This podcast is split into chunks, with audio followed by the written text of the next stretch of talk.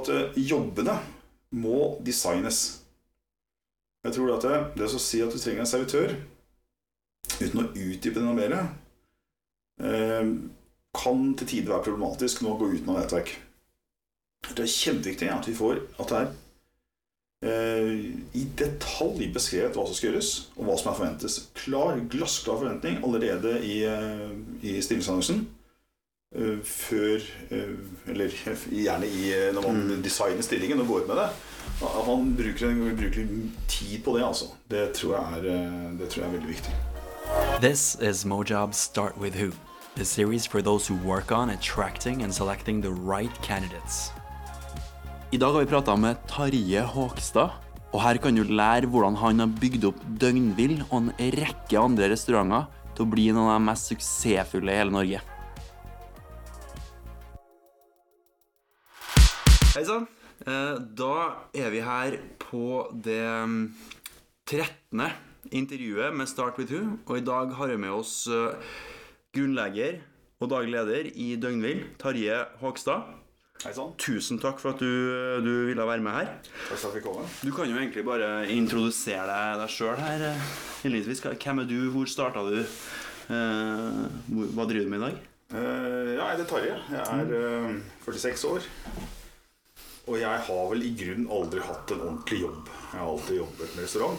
Eh, jeg startet eh, ved siden av skolen i 88-89, jobbet på Tusenfryd. Ja. eh, som eh, Og drømte om å bli enten rockestjerne eller militær. Så eh, i og med at jeg ikke kan synge eller spille, så ble jeg, gikk til, til befalsskolen, og så ødela jeg beina mine. Eller knærne. Og da måtte jeg finne på noe annet.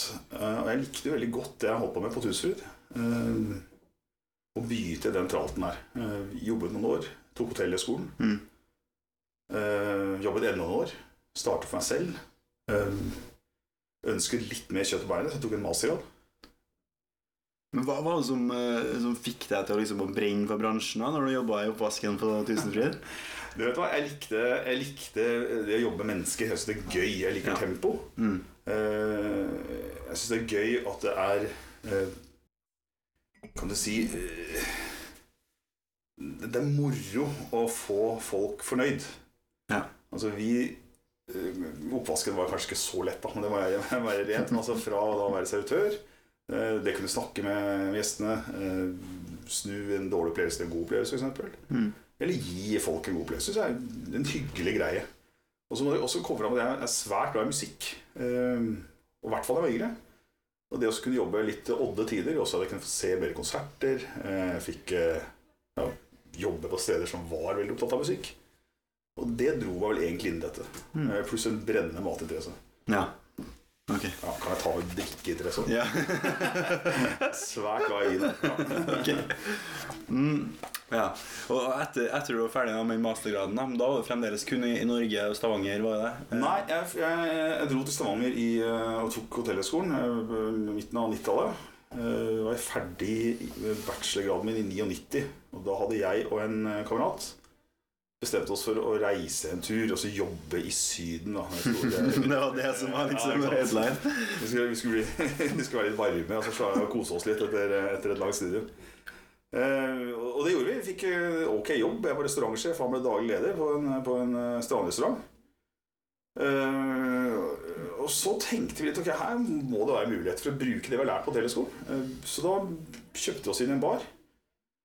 Eh, og starta den året etter. Eh, og det, det balte litt på seg. Jeg ble der i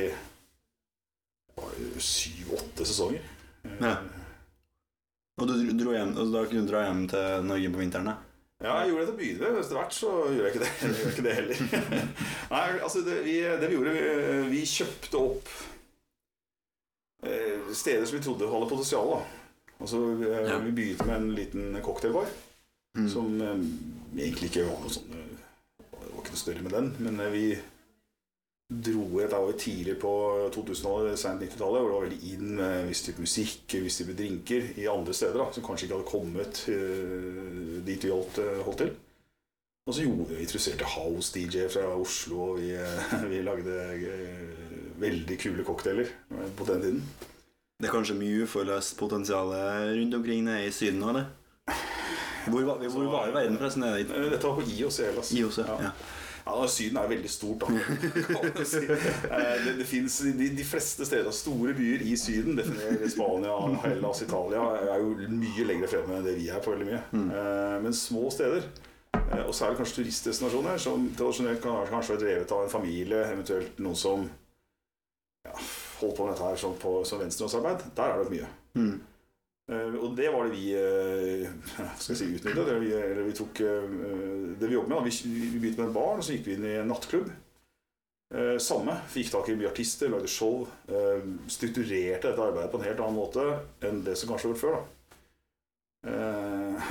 Begynte å bruke regnskapsfører. Det er jo ikke verre enn det. eh, ja, og, fikk inn folk fra England eh, på markedsføring. Altså gjorde ting som, eh, eller grep som vi hadde sett virket veldig godt andre steder. Og så fulgte vi boka. Altså oppskriftene vi hadde fra hotellhøgskolen på ja, økonomistyring, selvfølgelig, markedsføring, eh, personalledelse. Ikke at vi var eksperter på, på noen måte, men vi hadde i hvert fall et teoretisk grunnlag eh, som var langt bedre enn ingenting. Mm. Eh, Så kjøpte vi oss en bar, en strandbar. Uh, unnskyld, restaurant. Mm. Eh, det var vel en tapasrestaurant vi startet med. Jeg gikk over til en italiensk etter hvert. Uh, slik at vi bygde et selskap på en rundt 100-120 ansatte. Jeg husker ikke helt omsetningen her nede. Nei. Men det er, gode, det er relativt, du kan tjene gode penger der, eller? Ja, relativt. altså Hvis du skal tjene riktig gode penger, så må du styre unna restaurant. Nei, det er ikke, det er ikke der, da. Altså, det er klart, jeg tror nok ikke Jakten på, eh, på kroner og øre drar deg ikke til Lios Hellas. Det- Da må det komme litt større, større eh, steder. Ja. Eh, På den annen side så var det selvfølgelig et helt ok levebrød. Mm. Vi, hadde jo jobbet hardt om sommeren, og så hadde vi mye fri på vinteren. Ja. Og det hadde vi muligheten til. Um, og det var veldig spennende. Det var veldig kult. Klart, vi måtte bygge opp nye team hvert eneste år. For jeg startet sesongen i ja, april, kanskje. Okay, april. ja. Og så var det slutt i september. Og da var det helt slutt. Det at Samtlige nøkkelarbeidere dro hjem. Mm. Eh, og neste år så startet vi på nytt igjen. Altså, Kom de tilbake? Ja? Ja, noen gjorde det. Så er det, vi kan si, eh, nøkkelmedarbeidere som daglig ledere, kjøkkensjefer, de hadde en tendens til å komme tilbake. Men eh, stort sett så begynte man på scratch. Altså. Det, det, det, ganske, det var ganske stor rekrutteringsarbeid, kan jeg fortelle. Ja, Hvor fant du dem eh, nedi der, da? Noen hadde jo med oss. eh, andre rekrutterte vi eh, der de var. Altså, vi startet italiensk restaurant, så vi rekrutterte italiensk kokk Ja. fra Firenze. Uh, og så er det veldig mange altså det er veldig, veldig mange som reiser ut omkring i verden og jobber, og som gjerne har et yrke. Om du synes du er bartender for eksempel, og kan jobbe i en bar, så det, får du jobb hvor som helst. Mm. Samme gjelder jo en god servitør, og i hvert fall en dyktig kokk. Eh, Så det vi gjorde, var jo å trigge gjerne de som hadde en eh, ja, ønske om å reise, kanskje, eller som allerede var der. Var på utkikk etter jobb. Eh, Overraskende mange. Men det gjelder da å finne eh, Det gjelder å finne de som passer inn i teamet, og så gjelder det selvfølgelig å, å, eh, å, å sørge for at de som faktisk leverer en CV fra et land du ikke kjenner til, ikke lyver hos dem. Mm. Så hvis du kommer med en CV med kun utelukkende referanser fra Australia, så er det vanskelig å gå den i sømmene. Mm. Hvis- Dere var nye, eller regna med? Eller, Ja, det høres litt ut sånn. Ja, vi var det. Ja. Klart, vi, gikk jo, vi gikk jo på mange feilansettelser. Det gjorde vi. Ja. Hva er den viktigste egenskapen du, du så etter? da, sånn, over hele linja? Var det noen fellesnevner der? Jeg har én leveregel som jeg fremdeles følger. Jeg tenker at det, det personlige er det viktigste. Eller det empatiske, om du vil. Altså Hvis du er litt Altså den Personligheten din teller litt mer enn de tekniske ferdighetene. Ok. Hvis du har 51 god personlighet og 49 tekniske ferdigheter, tenker jeg er helt perfekt. For eh, det å være hyggelig og omgjengelig, det er vanskelig å lære bort. Mm. Men det å bære et brett eh, eller steke en pizza, det skal vi alltid skal lære deg de tekniske ferdighetene. Eh, derfor tenker jeg det Får vi tak i noen trivelige, joviale mennesker, eh, imøtekommende, som er glad i å snakke med andre, gjerne et ord vi pleide å lete etter. er Imøtekommende liker jeg godt. og Det å være eh, At du har vet, kanskje en interesse. Altså Gjerne folk som er opptatt av noe annet. Eh, gjerne Si at du er aktiv i et strikkemiljø eller langrenn. Spiller egentlig ingen rolle. Bare at du har en interesse. Ja. Eh, de menneskene syns jeg er mye lettere å jobbe med. de som ikke har noen interesser, de kan være litt vanskeligere i materie. og Det er ofte det første vi lurer på. Eh, Og det samme er klart, de menneskene vi føler går inn i teamet, som har den positive holdningen som vi ser etter, de ser etter først. Og så må de jo, eh, eller bør i hvert fall ha noen tekniske ferdigheter, men likevel så er det en overveldende eh, Personligheten tipper over vektskåla, Ja. hvis det er det det står på. Hva med det du snakka om innledningsvis rundt det at du finner glede i å, å glede andre? da? Er det noe du ser etter i folk òg? Liksom, er det mulig å se etter det i det hele tatt? Eh, jeg vet ikke om jeg finner glede og glede andre. Det, det sånn? er jo faktisk Ja, det er egentlig ganske godt sagt. For det, det, det er viktig at man trives med det. altså, At det Suksessfaktoren på din jobb er at andre har det bra. Mm. Jo bedre dine bord eller dine gjester har det, eh, jo flinkere er du, og jo høyere suksess, om du vil, da, Mm. har du i ditt yrke. Det er kjempeviktig eh, som i service. Og ja, selvfølgelig, det ser vi til. Ja. Eh, Og der kommer gjerne inn den interessen jeg nevnte. Eh, Konkurranseinstinkt er jo aldri forakte. Altså, noen som virkelig vil dette, Mm. syns det er kult, og som eh, ønsker å bli bedre, det er kjempeinteressante mennesker. Spennende. Du var Du dro til eh, Hellas på starten av 2000-tallet, eller? Ja, slutten av 90-tallet. Slutten av 90-tallet. Jeg har blitt så gammel. Og hvor lenge, hvor lenge ble du da før du kom tilbake igjen? Jeg var der i åtte sesonger. Ja. Og så, etter det, hva, hva, hvor gikk reisen videre? Da eh, ønsker jeg å eh, fortsette med utdannelsen min. Ja. Så jeg eh, tok kontakt med hotellhøyskolen og lurte på om de hadde noe masterprogram i utlandet. Eh, Ok. Som jeg kunne Syden og utlandet. ja, ja, det var, da bodde jeg faktisk allerede i Syden. Og utlandet, ja vel, greit. Men jeg, jeg tenkte, er det noe i nærheten her, da? Okay, ja. uh, og det hadde de ikke. Men uh, jeg fikk, eh, jeg fikk uh, tilbud om et plass på Cornell, som er stort Ja. eh, ja, eh, Det er jo veldig kjent. ja, veldig kjent. Og det var jo også utrolig vittig, for jeg, jeg, jeg svarte ja. Det er jeg kjempelyst til. Mm. Og da måtte jeg ta en tøffeltest, er ikke det det heter? Eh, En sånn språktest. Ja, ja den er her. Ja. Og den hadde de ikke heller. altså. De hadde kun en annen type test, som het ASTS, men jeg husker. Mm.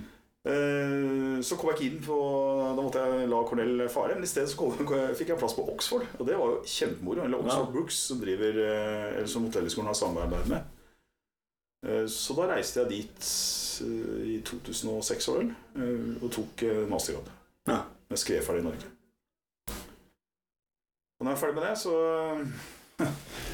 uh, Nei, da tenkte jeg at nå må vi eh, gjøre noe annet. Eh, jeg kunne godt tenkt meg også konsulent. Jeg søkte rundt på en del forskjellige konsulentfirmaer. Men jeg hadde jo den samme CV-en som kanskje jeg opplevde at de hadde i de australierne som kom og sendte meg en Mm. CV i Hellas. Det er klart det var jo vanskelig å så, eh, si de syv-åtte år her som er et hull, da, kan du si. mm. som var vanskelig å definere. Så det endte jo med at jeg startet for meg selv igjen. Eh, og da innenfor det samme. Da jobbet jeg som konsulent, hjalp til med, med restauranter. Eh, og så ble jeg kjent med eh, en gjeng som eller en gjeng med eiendomsutviklere i Stavanger. Og det de gjorde, var å kjøpe opp gamle eh, bygg i Stavanger. Trebygg. Eh, hvor det ofte var en eller annen type servicebedrift i bygget fra før. Mm. Og da hjalp jeg de med å utvikle de videre. Ja. Altså de restaurantene som de hadde fra før. da. Mm. Og da åpnet vi Alf og Werner i Stavanger. Eh, ovenpå var vi innom. Irishman ble kjøpt opp. Um, Surra rundt med en del cateringer og noe kafékonsept. Ja. Uh, var egentlig veldig trivelig. Ja. Eh, Fikk du det godt, eller? ja, vil jeg si. Hva, hva var liksom eh, typisk du gikk inn og justerte på der, da? Alf og Werner startet fra scratch. Det var, eh, det var bare egentlig et stort, gammelt hus, kontorlokale, som lå i Stavanger by. eh, Som hadde ideell eh, beliggenhet for nattklubb. Ja. Så det gjorde at vi Vi eh, tenkte på den måten at ja, her skal vi lage som et underholdningssenter. Og så skal det være en nattklubb. Glem tradisjonell nattklubb. Glem at du går inn her og drikker øl og eh, går ut igjen. Altså, eh, du skal ha en opplevelse. Så vi delte opp den nattklubben i fire. Eh, hvor Vi hadde en eh, type cocktailbar med DJ og litt sånn mingling og veldig, veldig gode øl og drinker i første etasje. Eh, Livescene i andre etasje, hvor vi hadde mm, jeg husker hva det fire-fem konserter i uken. Eh, quiz, eh, alle mulige slags typer eventer, store konserter, firmaer osv. Så, videre. Eh, så hadde vi en tradisjonell nattklubb eh, helt øverst i fjerde, altså en type lounge eh, ved siden av. Eh, Hvor alle disse la og sånn tydelige forskjellige konsepter. De ønsket at den underholdningsbiten da, skulle trekke inn eh, folk overalt. Og det, det fungerte over enhver forventning. Jeg tror faktisk ja, Nå er det sikkert noen som går til å arrestere meg, men Mm. vi var nok det største nattklubben i Norge eh, fra første året og en god del år framover. Det var vi. Ok. Så eh, det gikk veldig bra. Det gjorde det. Ja. Eh, Men klart, vi, vi jobbet igjen internasjonalt moro. Vi brukte vi jobbet med kurskonferanse. eh, Og knallhardt mot kurs- og konferansemarkedet som nattklubb. er jo også veldig utradisjonelt. Men på den annen side så eh, Kompromitterer skal du Ja, ikke sant. Det var veldig gøy for et firma som er vant til å sitte i sånne hvite, kjedelige lokaler Ja. eh, et eller annet sted på en kurskonferanse, til å få det sier nattklubb, en bar, dansere utstyr. Ikke sant? Og, eh, De, de løftet jo stemningen og sånt. Så det var den suksessen. Og da du gjorde det, hvor lenge gjorde du jobba med det da? Har for så vidt en finger med det ennå. Ja. jeg har jobbet med det helt i noen år. Eh, Så begynte vi å tenke på døgnhvil. Mm. Eh, og det kom vel egentlig at hver gang vi starter restaurant, så, så jeg og eh, Per, som jeg startet det sammen med, ville vi la merke til at hver gang vi gjorde et eller annet, og satt burger på menyen, så ble alltid burgeren bestselger. Ja. Og det, det, det kom fram uansett. altså da Fra fine dining til, til eh, flyplasskafeer, så er det plutselig bu- burger gikk veldig opp. Og husk at det her var i sånn 2009-2010, lenge før burgerbølgen. Eh, Det fantes jo gourmetburgere og luksusburgere på den tiden, men det, det, de kostet jo 2000 dollar og hadde diamanter i seg. ikke sant? De fra i, eh, hva heter det? Las Vegas. Mm. Slik at det vi gjorde da, var jo rett og slett prøve oss å Hva skal jeg si? Vi prøvde å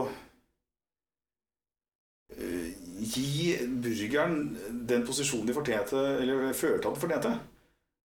Altså da vi vokste opp, så hadde jo alle antageligvis et forhold til burger. Altså vi, Vår generasjon er de første som alltid har hatt burgere og, tenkt på det. Det var i hvert fall i Norge.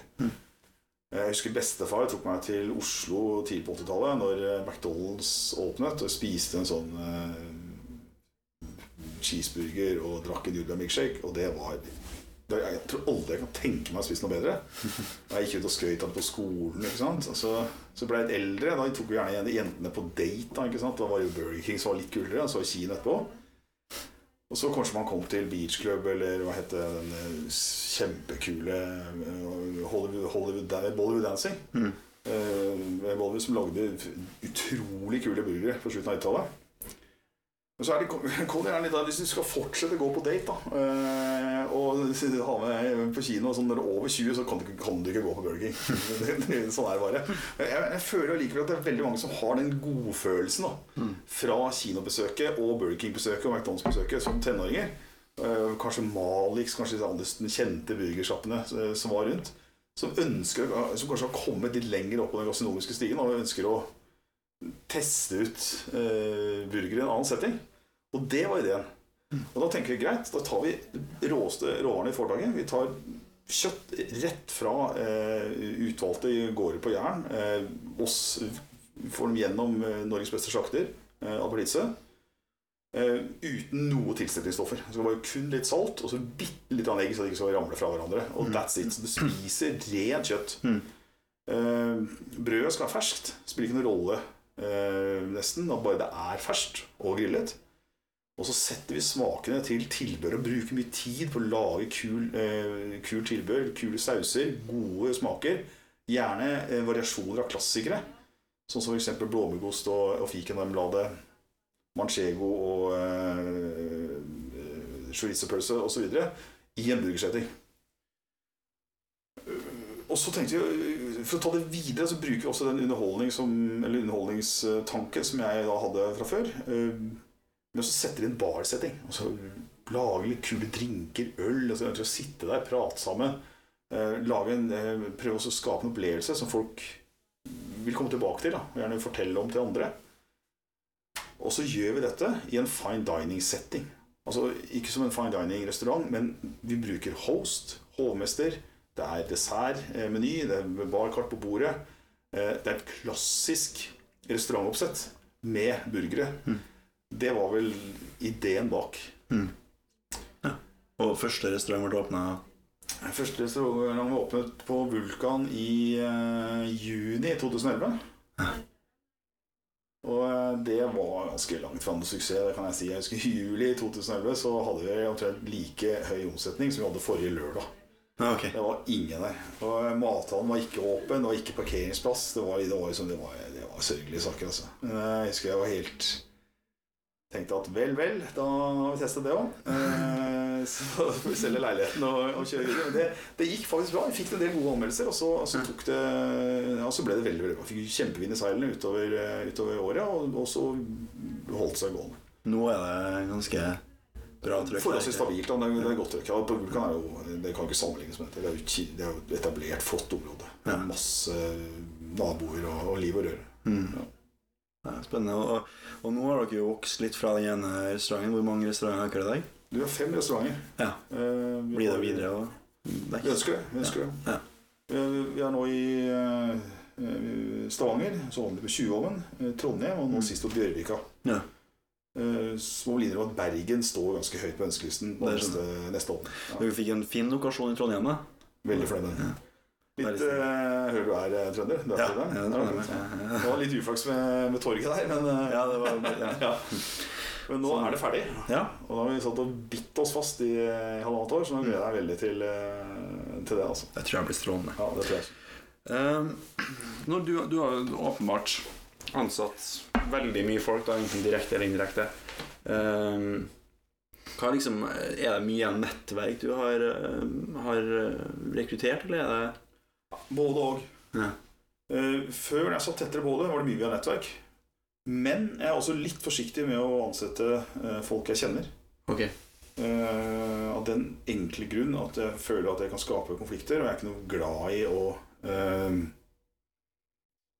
jeg har, hatt, jeg har brent meg på det et par ganger med å ha ansatt gode venner som nå ikke har levert Eller vi har, vi har kommet ikke har kommet overens da, på hvordan jobb og utføres. Så det, det syns jeg var en utrolig ubehagelig opplevelse. Så jeg, jeg vegrer meg for å ansette mennesker jeg kjenner godt. Ja. På den annen side så bruker jeg gjerne nettverket eh, til å få inn andres eh, innspill. Bruker mye det. Eh, og prøver også å bruke andres nettverk, Mm, om du skjønner hva jeg mener, uten å være en igle. skjønner. Ja. Eh, vi, ellers er vi opptatt av at jobbene må designes. Jeg tror at det, det å si at du trenger en servitør, uten å utdype det noe mer, eh, kan til tider være problematisk når man går uten av nettverk. Det er kjempeviktig at vi får at det er eh, i detalj beskrevet hva som skal gjøres, og hva som er forventes. Klar, glassklar forventning allerede i, eh, i stillingsannonsen. Eh, før eh, Eller gjerne i, eh, når man Mm. designer stillingen og går ut med det. At man bruker, bruker tid på det, altså. Det tror jeg er, det tror jeg er veldig viktig. Mm. Neste igjen, så klart Hvis vi går videre i prosessen, så, så har vi gjort det slik at når vi har sett for oss en drømmekandidat, eller sett for oss en drømmestilling, da slik skal en servitørrollen, eller daglig lederrollen, eller hva du vil, det skal, dette her skal den innebære, så må vi prøve å finne noen mennesker som, som kan det. Og det antar jeg dere vet Bjørn. Det er ikke noe det er nødvendigvis en lett, lett oppgave. Men det, det vi har gjort, da, det er at vi har laget oss et uh, sett med kriterier som vi virkelig ønsker oss. Mm. Så at her har jeg en liste på kanskje ti ting. Ja. Uh, kan det være alt fra utdannelse til personlighet til uh, fleksibilitet osv. Og så sier vi på den ene, har vi en kolonne at det her er de tingene for din personlighet. Så det her bare må du ha. Og utdannelse så er du nødt til å ha dette. Skal du være kokk, så må du være utdannet kokk, f.eks. Mm. Og så er det ting vi ønsker oss. Hotellhøyskole. Det er flott. Men det er ikke noe, det er ikke noe must have for å få restaurant eller få jobben. Uh, og og det vi gjør da, når vi intervjuer folk, så krysser vi av. ok? Vi, han har alt det som vi uh, ser etter. Og så er det kanskje noen ekstrapunkt til høyre som uh, er nice to have, men det ikke er eh, ikke avgjørende for, få- for, for å få jobben. Og den føler vi har vært eh, veldig, veldig mye til hjelp. For da har vi ettertid kan vi si, Hvis du intervjuer ti stykker Du vet jo like godt som meg at det er forferdelig krevende å intervjue mennesker. Det, Mm. det tar på. Eh, og det er vanskelig. Det er mange hull man kan falle i. Man kan bli litt det at de blir blendet av en, en sjarmerende person eller en sterk personlighet. Eventuelt så kan man bli eh, noen mennesker man kanskje ikke liker sånn i utgangspunktet. Så ender man at man ja, forkaster de uten å sette objektivt på kriteriene. Mm. Og det føler vi at da har vi Ok, så er den personen gjorde kanskje ikke verdens beste inntrykk, men alle kryssene stemmer. Ja. Pluss fire ekstra kryss. Mm. Uh, her går vi videre. Ja. Uh, ut fra det så er det da å prøve å finne ut om de har de verdiene og den personligheten som vi leter etter, som er enda vanskeligere. Mm. Men da gjelder det å finne de spørsmålene som gjør at eh, vi kan finne ut om du er den vi leter etter. Mm. Um, der, der har vi holdt på mye med å, å, å eh, snakke med andre og funnet ut ting vi kan spørre om, og, eh, og lagt opp skript og ikke lagt opp skript. Men jeg har nok kommet til den konklusjonen at vi bare snakker. La praten gå. Uh, spørre litt om hobbyer, spørre litt om interesser, uh, spørre litt om bakgrunn, spørre litt om hvorfor, hva de gjør de glade, hva som motiverer. Eh, kommer gjerne noen historier fra gamle dager om ting som har gått bra, ting som har gått dårlig. Eh, tidligere sjefer. Mm. Eh, det er sånn som helt klart rød klut for meg. Hvis du spør om tidligere sjef, og så får du et, masse eh, snakker dårlig om tidligere sjef. Altså, uansett hvor ille det har vært, så må man være, Mm. være forholdsvis positiv i et nytt arbeidsintervju, tror jeg. Ja. Eh, ja, og eh, Og sånn går det nå videre, da, inntil vi har, eh, inntil vi har menneskene vi ønsker. I en lederstilling så er det flere som intervjuer, og flere som, som avgjør om eh, vi tar det videre. Mm. I eh, vanlig stilling som servitør, bartender, så er det stort sett restaurantsjef, daglig leder, som, som tar avgjørelsen. Kanskje under Det er alltid greit at to er med, i tilfelle man faller i et hull med enten å bli blendet eller eh, Mm. misliker noe. Ja. Og, da går vi videre til det vi kaller prøvejobb. Vi tar alltid en prøvejobb. Vi har en kontrakt, vi har to dager hvor vi ser om eh, To dager. To det er dager. spennende. Ja. Da prøver du hos oss. Eh, og da ser vi begge veier om dette her syns du er noe. Eh, liker du dette? Det er jo ganske raskt. Det merker man fort etter to dager. Det er en svært spesiell jobb. Eh, og vi kan se om de tingene stemmer overens. Så er det, går vi videre på opplæring. Eh, altså det å arbeidserfaring altså, å, å prøve seg i arbeid Det er jo det som er den beste indikatoren på hvor bra det vil fungere. Så det er jo helt genialt. Yes. Høyesterett. Eh, hva gjør dere eh, for å tiltrekke de riktige kandidatene? Hva tror du som gjør Døgnvilt en god arbeidsplass? Ja, si det. Altså, vi, vi prøver å være Vi prøver å være Eller gjøre oss attraktive. Men selvfølgelig, vi, vi overholder lover og regler. Eh, Det er ikke noe, det er ikke noe tull. Restaurantbransjen har fra tidligere et forholdsvis rufsete rykte. Eh, Det ønsker vi å ikke ha. Så vi, eh, det er ikke noe diskusjoner om pensjonspoeng eller, eh, eller overtidsbetaling. Eh, Dette er ting som er helt digger i grunnen for oss. Det skal jo selvfølgelig være der. Eh, videre så ønsker vi å kunne tilby en utviklende arbeidsplass. Vi vil at folk skal være med. Vi vil at folk skal trives. Eh, vi legger vekt på eh, kultur og på eh, Hvordan vil du beskrive kulturen i Døgnhvile?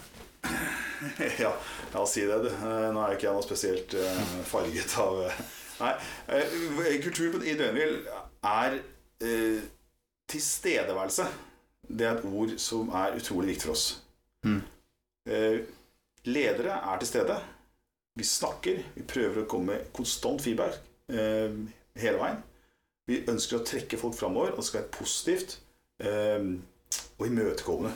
Det ordet vet jeg brukte i stad, men det er også et viktig ord for oss. Ja. At eh, Hvordan skal jeg forklare det? Vi svarer ja. Vi er positive. Eh, vi er veldig glad i all form for involvering. Har du en idé, kom gjerne med den. Mm. Eh, Vi må snakke om det, vi diskuterer, vi forandrer oss. Vi prøver hele tiden å løfte oss til å bli bedre. Vi har nok en utbredt konkurransekultur. Eh, Vi har tatt med oss en del gründerkultur som vi kanskje prøver å dytte litt vekk. Mm. Det var tidligere det var mye lettere. Altså, skal vi forandre en meny, så forandrer vi menyen. Dagen etter var forandret. Mm. Nå er det 150 ansatte. Ja. Eh, Det, er, det er veldig mange som skal være med på dette. Mm. Det tar nok litt lengre tid. Til tider tenker jeg nok eh, fordi eh, egentlig det vi jobber med, at det kan være noe frustrerende. når Plutselig så kommer en god gammel idé i gang igjen, og så eh, er det kanskje eh, Så prøver vi også å dra bedriften enda raskere enn det som er mulig. Eh, Men det er nok en del av oss, det vi er. Vi Mm. prøver hele veien. Jobber. Mm. Vi ønsker å være, være bedre. Ja. Du snakker om utvikling. Er mange av dere har liksom tatt noe fra bare være altså, jobbe i restauranten og så oppover, og som har steget gradene? Er det mange eksempler av det hos dere? Også, også, ja. Vi ønsker i høyeste grad Vi, vi ønsker at folk øh, gjør karriere hos oss. Mm. Og øh, det kan vi gjerne dvele litt på, for det er jo en annen ting. Det å få tak i en servitør da, i Norge, Mm. det er eh, det, for, altså det er ikke at det, ikke er, at det er vanskelig, men eh, servitør blir gjerne ikke sett på som en yrke. Reiser du til Frankrike, så er det et yrke. Du ser eldre servitører som har jobbet med det hele livet. Det er ekstremt profesjonelle. eh, og, og ser det også som en karrierevei. Så jeg tror det er utrolig viktig at vi som er ledere i, i restaurantnæringen, prøver å vise hvilke karriereveier som faktisk er. Og det er mange. Vi er delt i fire. Det Enten så kan du være Du kan jobbe videre som servitør og bartender, eh, daglig leder, eh, hva du vil. Altså Du kan jo holde på eh, å jobbe med mat og drikke. Kjempespennende. Kokk. Mm. Du kan gjøre en kometkarriere som, som, som leder. Det går ofte mye fortere i service, og det gjelder også hotell, til å komme seg oppover og få ledererfaring enn det gjør i veldig mange andre yrker. Mm. Jeg antar at de aller, aller fleste av lederne i, i vår næring er under 30 år. Før du begynner å komme opp i disse topplederstillingene, som er over 30 og nærmere 40. Mm. Eh, Man kan fortsette å jobbe med, med mat og mm. Gjerne innen salg, kanskje. Eller Mm. utvikling av kantiner, hva det skal være. Mm. Uh, Og sist, men ikke minst, kan man starte seg selv. Ja. Det, er, det er lave barrierer.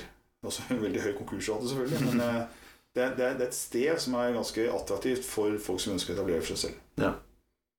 Spennende. Er det noen som har gjort det, da? Noen som har gått og starta egne bedrifter? Ja, flere. Spennende. Um, til slutt så har jeg noen ehm, eh, sånne raske spørsmål da, som jeg bruker å stille. Altså, ja. Så kan jeg stille deg òg.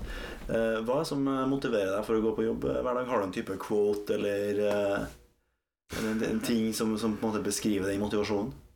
Nei, jeg, jeg har ikke noe quote. Jeg tror ikke det, altså. Eh, det ordet jeg eh, sa om tilstedeværelse, det er viktig for meg. Mm. Jeg ønsker å være til stede. Jeg ønsker å være tett på beslutninger og tett på menneskene vi jobber med. Mm. Jeg er veldig glad i mennesker. Synes det er gøy å jobbe med folk. Eh, det gleder meg å dra ting framover. Det gleder meg å prosjekt. Det er gøy å starte med en tanke som nå blir etablert og plutselig er eh, Hva skal jeg si er eh, Realitet. en realitet. Ja. Og så syns jeg det er utrolig gøy å se at eh, folk som jobber hos oss, uh, utvikler seg videre. eh, blir ledere. Mm. Uh, har et liv. Mm. Kjøper seg leilighet. eh, gifter seg. eh, får barn eh, i, og jobber hos oss. Altså det er eh, At vi er med å, som en ordentlig arbeidsplass til mennesker som, som folk kan jobbe med lenge, det syns jeg er utrolig moro. Bra. Ehm, hvis du skulle ha anbefalt eh, Hvis vi snakker til ledere, eh, folk som jobber med rekruttering, spesielt kanskje innenfor servicenæringa her, eh, har du noen råd, tips til bok eller ressurser som de burde se inn på når det kommer til å bygge gode team eller bygge gode selskap? Ja, jeg tenker at eh, team, eh, ledelse Det fins utrolig mye bøker eh, man kan skaffe seg. Mm. Så ofte koker det ned til eh, noen enkle regler. Mm. Eh, Jeg har ikke noe Jeg liker Petter Druckers eh, boker. Ja. Bøker? bøker. Ja. Eh, Jeg, er, jeg syns det er Jeg husker ikke hva det heter, den største boken hans. Den leser, eh, effective executive. Stemmer. Ja. Ja. Eh, Den syns jeg er kjempegod. Ja. Eh, Klassiker. Ja.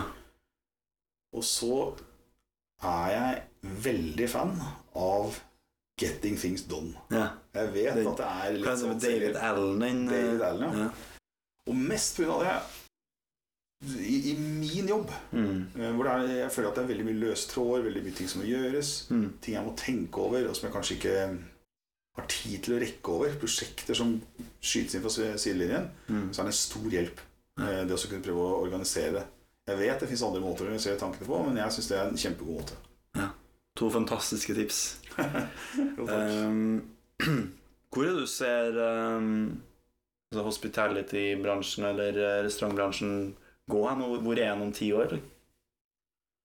Ja, Ti år skulle jeg likt å ha visst. Altså, jeg sliter med å vite hvor vi er om seks måneder.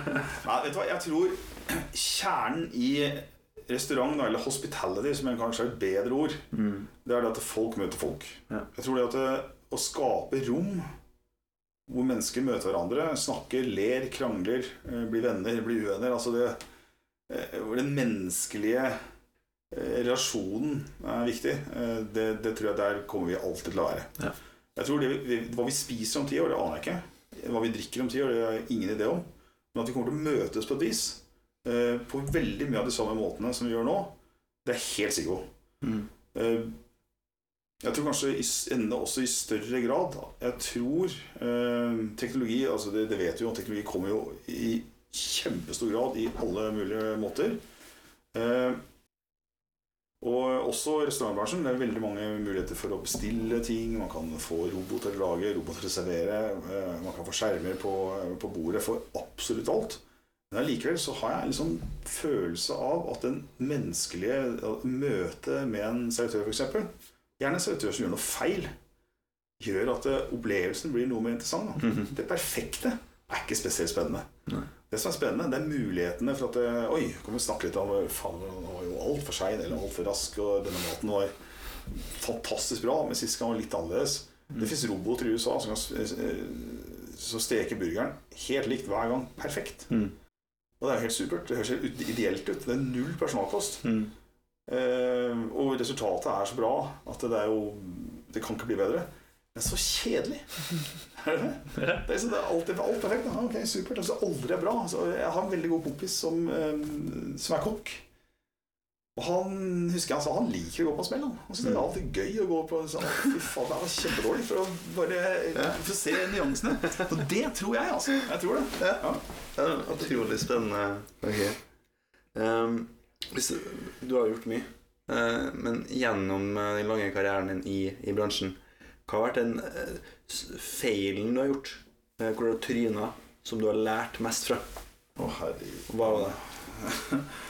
Nei, vet du hva? Jeg har gått på mye smeller, og jeg gjør det, jeg gjør det ennå. Mm.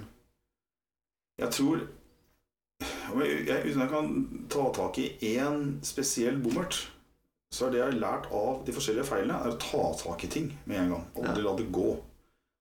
Eh, Det er deilig og så bare tenke at det her gjør jeg i morgen, eller fikser jeg om en uke, eller kanskje noen andre løser det for meg. Det er i min erfaring ingen god taktikk. Eh, Jeg er nok, eh, som de fleste andre, tilbøyelig til å ønske at ting går vekk, men det gjør det ikke. Mm. De må bare tas. Eh, Du snakker om quote. Eat the frog in the morning. Yeah. Det er det beste. Eh, Den kjipeste tingen du kan tenke deg å gjøre den dagen, det gjør du først. Mm. Den telefonen du gruer deg for, Ja. det møtet du må ordne. eh, Fiks det, så Mm. er resten av dagen mye bedre. Veldig sant. Um, hvis du skulle litt sånn på samme gata, da. hvis du skulle tatt en ti år yngre versjon av deg sjøl, hva for noe råd ville du gitt deg sjøl i dag? Ja, Ti år er Gi meg 20. 20? Det er jo noen god råd. Ja. ja, hva ville det rådet vært, da? 20 år tilbake. Nei, la meg tenke. Nei, vet du hva? Jeg, jeg tror jeg hadde Jeg ville tatt hele utdannelsen min i utlandet. Ja. Jeg ville lært mer språk. Kan du gresk, eller? Jeg kan gresk. Ja. Eh, jeg har ikke, dessverre ikke vedlikeholdt det, så eh, gresken er veldig rusten Mm. med sterk norsk aksent. Eh, Men jeg, jeg føler at det er Jeg tror i den verden vi lever nå, hvor vi kommer stadig tettere på hverandre, så er det språkkunnskap, det å kultur, skjønne andre kulturer, andre mennesker, er, blir viktigere og viktigere. Ja. Det hadde jeg sagt meg selv, og så hadde jeg sagt det at Husk at ting går i bølger. Ja. Det er helt greit, og sånn er det bare. Mm. Det var veldig, veldig godt sagt. Det, det er viktig å huske på det. Eh, til slutt, da kan jo eh, Du kan jo fortelle litt mer, eller sånn, hvis du har noe du har lyst til å si til, til publikummet. Eh, enten en oppfordring om å, om å komme på besøk til dere Døgnvill, eller eh, søke jobb, eller hva det måtte være. Ja, ikke sant? Nei, det er jo selvfølgelig hyggelig hvis eh, folk har lyst til å komme til oss. Det er det Det hadde vi så stor pris på. Vi, eh, Beste stedet å julebord.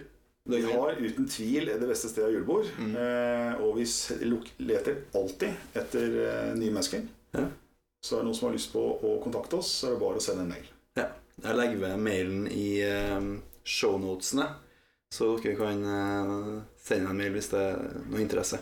Det høres bra ut. Tusen hjertelig takk for at du kom hit i dag. Jeg syns det her var veldig veldig nyttig. eh, Og eh, jeg ønsker deg masse lykke til videre. Det var hyggelig å være her. Takk skal du ha.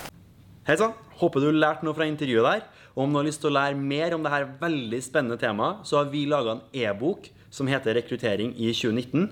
Eh, Og du kan laste ned den e-boka helt gratis nå ved å trykke på linken i innlegget her. Lykke til.